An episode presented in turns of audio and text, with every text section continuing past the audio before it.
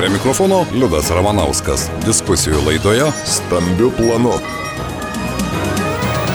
Prie mikrofono Liudas ir kartu stambių planų rubrikoje šiandien apžvalgininkas ir žurnalistas Rimidas Valatka. Labadiena, panas Rimidai. Labadiena. Malonu matyti studijoje. 34 diena karo, netgi sunku suskaičiuoti, kaip greitai bėga tas laikas ir iš tikrųjų šiandien štai dar vienas dėrybų raundas. Nežinau, su kokiamis nuotaikomis jūs atskubėjote iš Vilniaus į Alytų, bet kaip galėtumėte įvertinti ir tas galimybės, kurios galbūt, na, daugelis vilėsi. Pagaliau, galbūt dėl kažko bus susitarta, bet šiandien galbūt pokalbėje pabandykime pakalbėti ir apie galimybės, ir apie realybės, apie tai, kas šiuo metu realiai yra Ukraino žemėje. Tai kare visada yra dviejopas jausmas. Iš tiesų, kažkada rašiau, kad jeigu ukrainiečiai pratrauks dar a, dvi savaitės, o tai buvo pirmąją karo savaitę, tai jau bus vilties.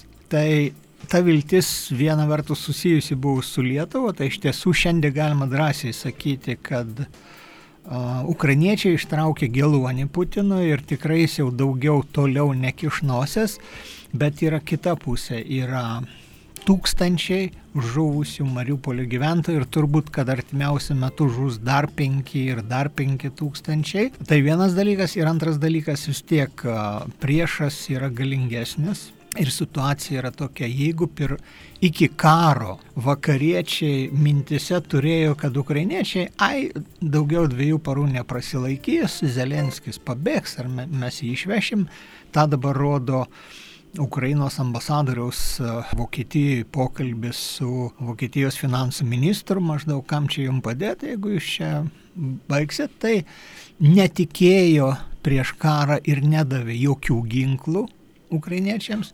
Dabar man toks įspūdis susidaro, kad NATO didžiosios valstybės netiki, kad ukrainiečiai gali pereiti į kontrapolimą ir neduoda tokių ginklų, be kurių tų rusų okupantų iš visos Ukrainos neišvysi. Tai yra artilerija, toliašaudė, tankai, ir aviacija. Tai, o tai reiškia, kad kraujo bus pralieta dar daugiau. Tai va ta antroji dviejopo karo matymo pusė.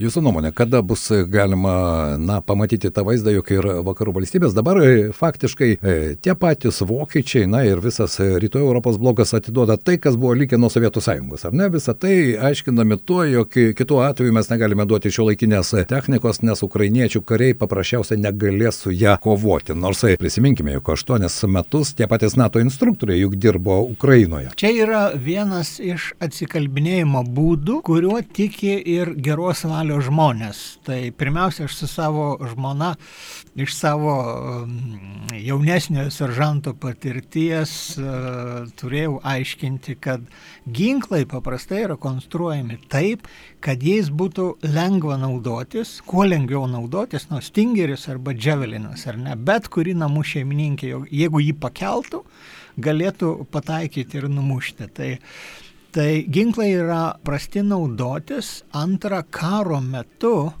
e, tarkim, yra, sakysim, prie rusiškos gaubicos buvo skaičiuojama, e, kad per karą žmogų dirbti su ją galima išmokyti per šešias valandas. Nu, padauginkim, e, vakarietiški ginklai yra jau ne, nebe antros, ne trečios, o penktos kartos, tai padauginkim tą laiką iš keturių, na, iš penkių.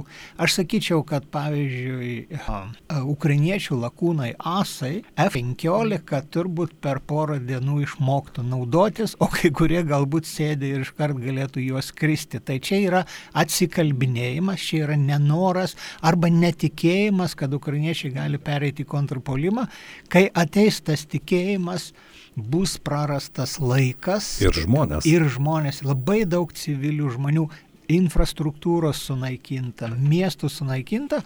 Aš sakyčiau, kad iš tiesų karas dar gali vykti 2-3 mėnesius, kol net ir Putinas supras, kad apsidirbo atsiprašau už neterio žodžių, apsišiko ir toliau nieko negali padaryti, tai Tai va tada ir galbūt per tos 2-3 mėnesius ir didžiųjų vakarų valstybių lyderiams um, ateis mintis į galvą, kad vis dėlto reikia ukrainiečiams duoti tuos ginklus, kuriuos, na, jeigu juos duosi, mažiau reikės skirti pinigų paskui Ukrainą atstatyti. Taip. Beje, Joe Bideno, ko gero, pasakyti žodžiai savaitgalį ar ne, beje, e, iš karto reakcija buvo labai tokia, na, galima pasakyti, kaip čia taip galima kalbėti apie tokios valstybės vadovą, bet Joe Bidenas vakar patvirtino, kad tai buvo jo asmeninė nuomonė ir jis neatsisako tų pačių žodžių ir čia jį kaip valstybės vadovą aš puikiai suprantu, o kaip žmogų dar labiau suprantu, nes tos emocijos, kurios, ko gero, jį tiesiog užplūdo, kai jis pabendravo su tais pačiais pabėgėliais iš Ukrainos, ar ne?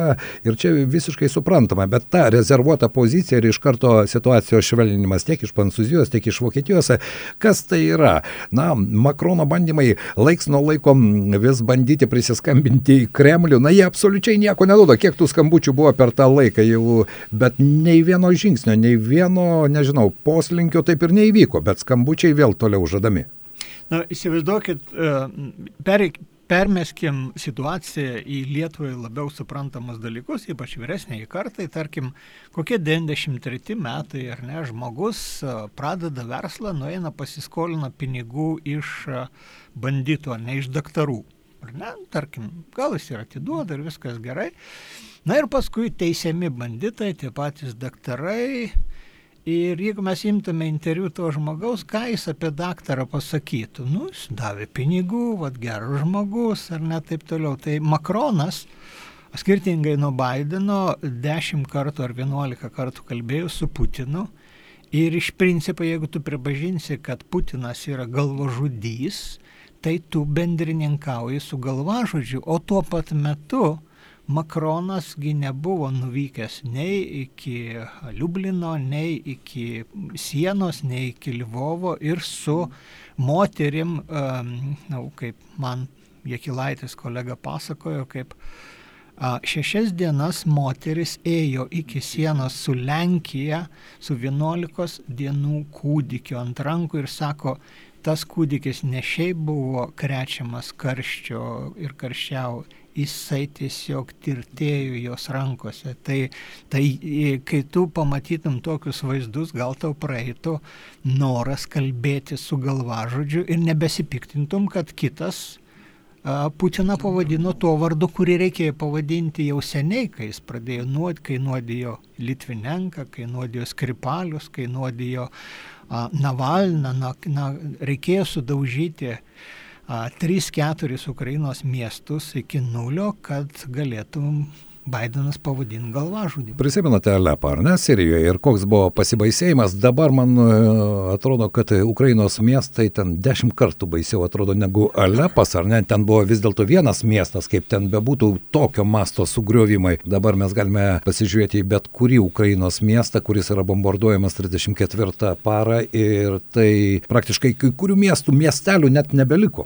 Realiai taip, mes susitelkėm į Černigovą, į Mariupolį, į Kievo piemeščius, bet, pažiūrėjau, tokia Volnovach, ar ne, pasižiūrėjau, ten yra keliasdešimties, 70 tūkstančių gyventojų miestas, jo nebėra, arba ten koks nors įziumas, ar ne, tai mes apie tokius miestus 40-50 tūkstančių net nekalbam, O Lietuvos mastu taigi Alitus, ar ne? Taip. Alitus ir, ir dar didesni miestai yra nušluoti nuo žemės. Tai vad įsivaizduokim, Alitus buvo, Alitaus nėra. Šios dienos darybos, kaip jums atrodo, kas tai yra? Na, be jokios abejonės, tų kalbų buvo ir iš Vladimiro Zelenskio pusės, rusai dabar nebekelia tų savo pirminių denacionali... E, netgi sunku ištarti tos žodžius, kurie yra... kurie iš esmės nieko nereiškia, ar ne? Štai jie jau dabar liktai nekelia turi reikalavimų. Jūsų nuomonė, ar tas jau akivaizdus Turkijoje susitikimas šiandien gali duoti kažkokius postumis, nors aš nesu esu naivus ir netgi netikiu, kad kažkas pasikeis. Na, uh, tikėti rusais negalima. E, iš esmės tai, ką jūs klausime įvardėjo, turbūt yra daugiau Financial Times žurnalistų uh, žinios gautos iš uh, Putinui artimų sluoksnių, galima taip sakyti, kad tokios mintis ten yra, bet aš manyčiau, kad darybose jie užsispyrusiai laikysi savo, tai yra nesiderėti, nes dabar matyt generaliniam štabe ne, sukuriama viltis, kad va štai jie permes kariuomenį į rytus ir nuo rytų pradės palimą plačių frontų patvarkys Ukrainą ir tada, ta prasme, tai vadinasi, dėrybų vėl nereikia. Tai iš principo turbūt, kol ukrainiečiai nesudaužys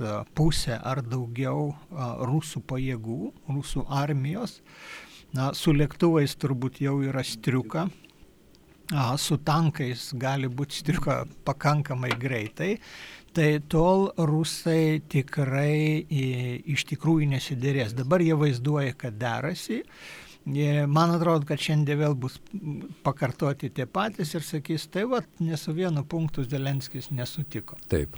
Na, o kalbant vis dėlto apie tą karinės operacijos 34 dienos planą, dabar matome, kad jis pasikeitė, ar ne? Nuostoliai iš tikrųjų dideli, niekas žinoma negali karo metu patikslinti, kiek yra e, tikrų nuostolių tos, kurios kelbia Ukrainos generalinis štabas. E, tuo labiau, ko gero, negalima tikėti tuo, kas kelbia Rusijos federacijos generalinis štabas, bet mes matome, kad kai kurie daliniai yra atitraukiami į Baltarusiją, performuojami. Ar jūsų nuomonė dabar tas rytinis frontas, kuriame beje buvo sutelktos ir e, geriausios ukrainiečių kariuomenės pajėgos, ar ne, ten, kur aštuonis metus jau tie karo veiksmai vyko ir e, štai ten bus su, sukaupta dar viena rusų smogiamoji grupuotė ir tokiu būdu jie pabandys ne tik užimti administracinės Donetsko, Luhansko, taip vadinamų respublikų ribas, bet ir nuo ten pradėti stumti Ukrainos kariuomenę. Kaip jums atrodo? Jeigu aš neklystu, tai Donbasas yra tokia, na, lyguma ten tose vietose, kur vyksta kovos. Vadinasi, ukrainiečiams reikia kastis į žemę, į žemę labai tu neįsikasi ir um, tokioj vietovėje labai išauga aviacijos, tankų ir artilerijos pranašumai padidėja. Būtent tai, ko ukrainiečiai neturi. Ukrainiečiai ten turėjo tankų, šarvuočių, bet vėlgi kontratakos, kovos, kai tu traukėsi, kai tu traukėsi, jeigu tavo tanką apgadino, tu jį plieki. Vadinasi, negali atitemti, negali suremontuoti, o ukrainiečių tankų pajėgumai, nu, maždaug ukrainiečiai turbūt turėjo pagal skaičius vieną prie dešimties. Vadinasi, e, ukrainiečių jėgos ten po truputį senka, kad ir kaip būtų liūdna tai pastebėti, frontas, frontas gali labai būti ilgas ir iš tiesų, jeigu vakarai būtų tą mėnesį išnaudoję, pavyzdžiui, sukurti dvi brigadas Lvove su visais pričindalais, tankai, artilerija, priešlėktuvinė ir taip toliau, tai aš manyčiau, kad metus į kovo dvi naujas brigadas, iš principo rusai neturėtų šansų dabar. Dabar, nu kaip, nu, ukrainiečiai, žinoma, kaunasi kaip liūtai, kaip kyborgai pagal Donetsko oro uostų kovotojų pavadinimą bet net ir kyborgai yra tik tai žmonės. Taip, ir jie taip pat žūsta ir tų pranešimų irgi yra. Dabar pakalbėkime galbūt, Rimidai, dar apie kitą karą, kuris taip pat vyksta, tai yra propagandinis karas, jis vyksta iš abiejų pusių ir jo tam tikrai atgarsiai Lietuvoje, ar ne? Štai pastarojų metų Lietuvoje pasirodė įvairios apklausos, arba NSS vakar e, publikavo savo apklausą, kiek lietuvių yra pasiruošę ginti savo tėvynę, iš kitos pusės šiandien dar viena apklausa, kiek vis dėlto suprasdami Ukrainos padėtį žmonės dabar prisideda, kas pinigais, kas savo daiktais, kas pagaliau pagalba, savanorystė ir taip toliau, bet štai 49 procentai, daugiau kaip 49,5 teikia, kad ne, jie neprisideda, tai ne jų reikalas galbūt. Tai štai tas propagandinis karas ir kur jame esame mes, ne tik žurnalistai, bet ir žmonės. Aš sakyčiau, kad e, gal truputį atsiliekam nuo ukrainiečių. Iš tiesų, ukrainiečių ta kazokų, iš kazokų bendruomenės paveldėta dvasia, kad mes esam savi organizuojanti bendruomenė tauta, tai, tai jiems smarkiai padeda. Lietuviai yra labiau individualistai, tokie valstiečiai, kas iš baudžiauninkų, kas iš laisvųjų. Tai jeigu neklystų, ukrainiečių apklausos prieš karą buvo apie 52-55 procentai su ginklu gintų Ukrainą. Tai karo metu tas procentas padidėjo, net ir dabar dar iš vakarų grįžta į Ukrainą vyrai, nors jų niekas neparvarytų jėga, jie patys važiuoja. Tai aš sakyčiau, kad yra pakankamai geras dalykas. Na, o su lietuviais visada tai buvo. Galiu prisiminti Stasį Šalkauskį jo straipsnį lietuviai istorinių paradoksų tauta 307 metais jis rašė, lietuviai yra labiau rytietiška nei vakarietiška tauta. Didžiųjų kataklizmo metais sprendimus priima mažuma, o dauguma a, bamba po to, kad mažuma priėmė ne tą sprendimą, tai aš sakyčiau, kad šitie žmonės buvo visada ir būtent tie žmonės labiausiai loja, o kai mes stovėjom Baltijos kelyje, jie nestovėjo, stovėjo kiti. Baltijos kelyje stovėjo 600 tūkstančių, o kiti 3 milijonai buvo kažkur kitur. kitur. Na ir štai, po vakar dienos paskelbtos apklausos mes paklausėme ir mūsų klausytojų Facebook'e ir atsakymai buvo tokie. Pirmiausia, pasižiūrėsiu, kasgi bus tas pirmas, kas eis. Kita pusė sakė, na, jeigu Gabrielius Landsbergis prisidirbo, tai jis ir turi eiti, o dar kita nuomonė buvo, štai turime 141 elito atstovą, tai jeigu jie eis, galbūt tada ir aš eisiu. Tai mano nuomonė, štai tokie, tokios replikos tik patvirtino jūsų pasakymą. Aš sakyčiau dar prie, kadangi tai iš, į Facebook ateina, tai tai dalis gali būti feikiniai, dalis gali būti troliai, dalis gali daryti tai už pinigus, tas, tas irgi yra aišku. Vat, vien ukrainiečiai parodė, kiek jie jau sulaikė šitų tituškų, diversantų ir taip toliau. Tai nereikia manyti, kad Rusija Lietuvoje nebuvo paruošusi lygiai taip pat tų pačių tipų. Yra liūdna, liūdna yra tai, kad, kaip čia pasakyti, kad žmonės leidžia jiems reikšti socialiniuose tinkluose, aš manyčiau, kad teisingiausias kelias būtų blokuoti tokius, nustumti paraštės, nes tai, tai nėra lietuviai, tai yra niekšeliai.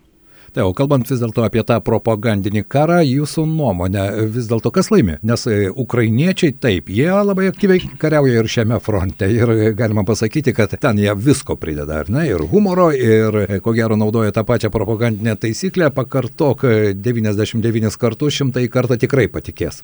Aš sakyčiau, kad atsitiko toks dalykas, kuris labai retai atsitinka šiaip realiam gyvenime kad rusų propaganda pasaulis nustoja tikėti. O su propaganda yra taip, kai man aiškina rusų liberalai, kad kad o yra šita zombinė dėžė, kuri užzombino žmonės ir taip toliau. Nevelnio. Propaganda yra daiktas, kurio žmogus turi būti pasiruošęs tikėti. Jeigu propaganda tu netiki, ji nustoja veikti. Ir staiga, žiūrėkim, Amsterdamas, Paryžius, Italijos miestai, Amerika E, mėlynai geltona, visi prieš, visi smerkia Rusiją ir taip toliau. Visur išjunginioja Russia Today ir Rusijos kanalus ir staiga paaiškėjo, kad nesvarbu, kiek tų milijardų mes į propagandą, jeigu jie netiki, o netiki kodėl. Todėl, kad a, su propaganda ir tai propaganda yra kokteilis, gebelsinis, ždanovinis 50 ant 50, 50 tiesos, 50 melo.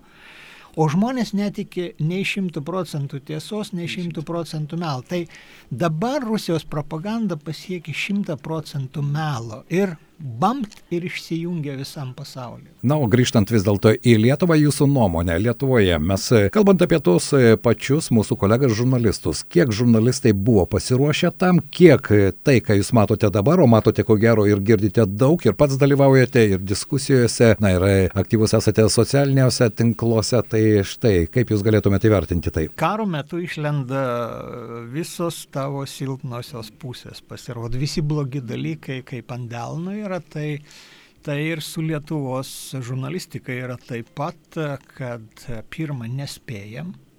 Sakysim, apie kai kurios dalykus mūsų portalai geriausiu atveju praneša po 2-4 valandų, o tai ir po poros, tik tai jeigu tai yra į pavakarę ar ne, vienas dalykas. Antras dalykas, pranešami atskiri įvykiai, atskiri faktai, net žemėlapio neprideda, ar ne, tu neturi supratimo, pažiūrėjau, ką tas irpinės uh, užėmi, uh, susigražinimas reiškia Ukrainai, Taip. jeigu tu nepridedi žemėlapio čia pat, nu kas tai irpinė, kiek žmonių ten googlins, ieškos ir taip toliau, tai e, būtent nėra bendro va tokio sujungimo, e, ta prasme, tu turi tuoj pat e, aiškinti, va tie pasikeitimai, ką reiškia ko nėra. E, trečias dalykas - labai daug pateikinėjama.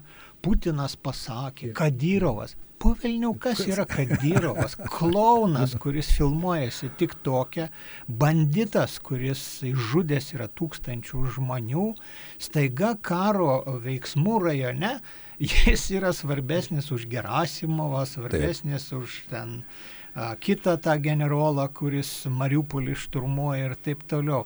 Tai, tai va tokie, ta prasme, išsifragmentizuoja visiškai ir jeigu sektum karą vien pagal Lietuvos žiniasklaidą, turbūt nelabai žmogus dar iki galo vaizdą susidarytų, jeigu nenaudotų, pavyzdžiui, Twitterio, jeigu taip. nenaudotų kitų socialinių tinklų. Ir papildomos informacijos, taip, taip. ar ne? Beje, kalbant apie tą papildomą informaciją, be jokios abejonės, jūs irgi tą naudojate. Twitteris yra vienas iš operatyviausių būdų, ko gero, ar ne, lakoniškiausias ir tiksliausias, bet jeigu kalbant apie galbūt mūsų klausytojams prieinamas, ne visi Twitterį turi, ne visi jį naudoja, Lietuvoje jis nebuvo toks populiarus, galbūt daugiau profesinė prasme su juo dirbo žmonės ir iki dabar dirba. Bet e, kokie dar šaltiniai jūsų nuomonė yra, atmetant žinoma propagandinius, nors yra ir tokių, kurie skundžiasi, štai dabar nebematome Rusijos televizijos, negalime matyti objektivaus vaizdo, tai kurgi čia ta žodžio laisvė, demokratija ir taip toliau. Tai štai, kokie kanalai jūsų nuomonė, kuriais galima pasitikėti ir kurie, na, gali padėti susidaryti ir tą pilną vaizdą, o ne tik tą fragmentą, kalbant apie vieną ar kitą mūšį, vieną ar kitą situaciją. Aš sakyčiau, kad iš tiesų situacija nėra paprasta.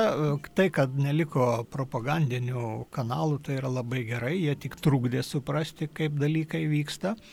Bet a, negalėčiau pasakyti, kad žiūrėdamas BBC arba žiūrėdamas CNN arba NCBC ar, ar, ar kitą didįjį kanalą, kad tu labai suprastum, kaip vyksta karas. Nors ten jie bando pakuoti, ta prasme, jie bando aptarti, kaip, kaip vyksta tam tikrose laidose, ar ne, jeigu ištisai žiūrėtum.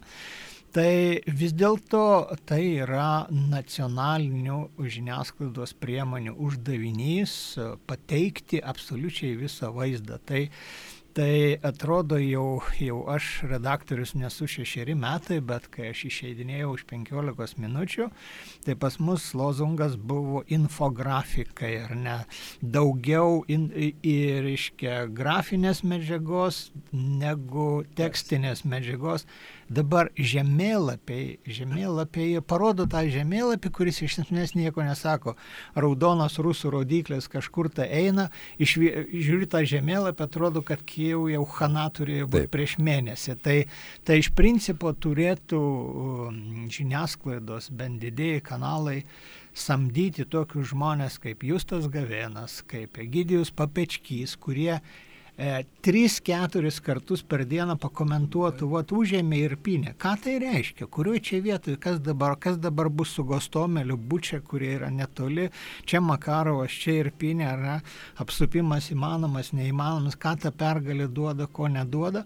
Tai aš manyčiau, kad karas moko ir, ir žiniasklaidos priemonės, na, turės žengti į priekį. Na ir dar vienas dalykas, tai yra ekspertai. Kiek mes turime ekspertų, kurie galėtų kalbėti suprantamą kalbą, ar ne, puikiai į, į, įsisavinę tą realio, realaus laiko pojūtį ir pateikti komentarus. Na, e, galbūt dabar jau bent jau valstybinėje žiniasklaidoje šiek tiek galbūt daugiau atsirado kalbančių galvų, nes vienu metu tai buvo tie patys per tą patį ir iš esmės nuomonės buvo aiškios iš karto, nors atvirai sakant, kai kurios diskusinės laidos mane stebina tas griežtas formatas, ypatingai karo sąlygomis, kai yra diskutuojama, šeši žmonės pakviesti diskutuoti ir tam skiriama valanda laiko ir svarbu, kad tilpti į laiko formatą. Tai žinote. Ir, ir kiekvienas jų tempia vežimą taip, į savo pusę. pusę. Tai štai, va, tokiais atvejais aš nelabai tai suprantu. Tai, tai, iš esmės karo metu turbūt diskusija turėtų būti ne tiek minties ar ne, kiek informacijos koncentravimo, kaip gali būti, kaip čia gali vystytis iš tiesų, va tokio, tokios televizijos kaip uh, Free Europe radio nastajašiai vrėmė, kurie visą parą bando koncentruoti ir nuolat randa žmonių, kurie gali paaiškinti. Pavyzdžiui, man tik vakar uh, pavyko suprasti, kodėl jisai negali paimti Černigovo. Todėl, kad iš vienos pusės yra, yra upė plati, iš kitų dviejų pusių yra tokios pelkėtos vietos, kur tankas ir šarvuotis nepraeis, reikia mest pėstininkus, pėstininkų tiek neturi. Reiškia, rusam belieka kelias įvažiuoti į Černigovą, ten ukrainiečiai muša tas kolonas. Ir štai, vat, kad šita pasakytų, reikėjo net, net tiek laiko. Net ne? pinigingai žiniasklaidos priemonė prireikė 33 karo dienų. Taip, tai štai, iš tikrųjų mes tikimės, kad ir mūsų klausytojai, klausydami mūsų pokalbio, vis dėlto susidomės realių vaizdų, paieškos tos informacijos, jos tikrai yra, bet tam reikia pastangų. Kol kas iš ties to sukramtyto produkto, ar ne, beje, na, didžiuma vartotojų vis dėlto įpratę prie to sukramtyto produkto, na, o mano nuomonė tokioje situacijoje, kai karas tęsiasi jau 34 dienas, jeigu tai yra aktualu, aš tikiu, kad tai yra aktualu, nes iš esmės iš tos situacijos mes irgi turime mokytis, mokytis visi. Be, be jokios abejonės, žmogus, kuris, nežinau, jis turi darbą, jis turi verslą, jis neturi kada, e, tai aš užmiegu e, prie kompiuterio ir atsikeliu prie kompiuterio, mano toks darbas yra, tai bet net aš jaučiu, kad man pradeda laiko stikt, kad galėtum va taip papildyti nuolat baltas vietas, užpildyti, o žmogui reikia pateikti ne, ne propagandinį vaizdą, o realų karo vaizdą, kuris nuolat keičiasi ir tuos pasikeitimus reikia įrėminti. Tai kažkam pavyksta, Remitas Valatka, šiandien mūsų stambaus plano rubrikoje, aš tikiuosi, kad jums irgi kažkas paaiškėjo, kodėl, pavyzdžiui, rusai negali užimti vieno ar kito miesto, bent jau tokia detalė irgi yra svarbi. Ačiū Jums, geros dienos. Geros dienos visiems. Prie mikrofono Liudas Ramanauskas. Diskusijų laidoje Stambių planų.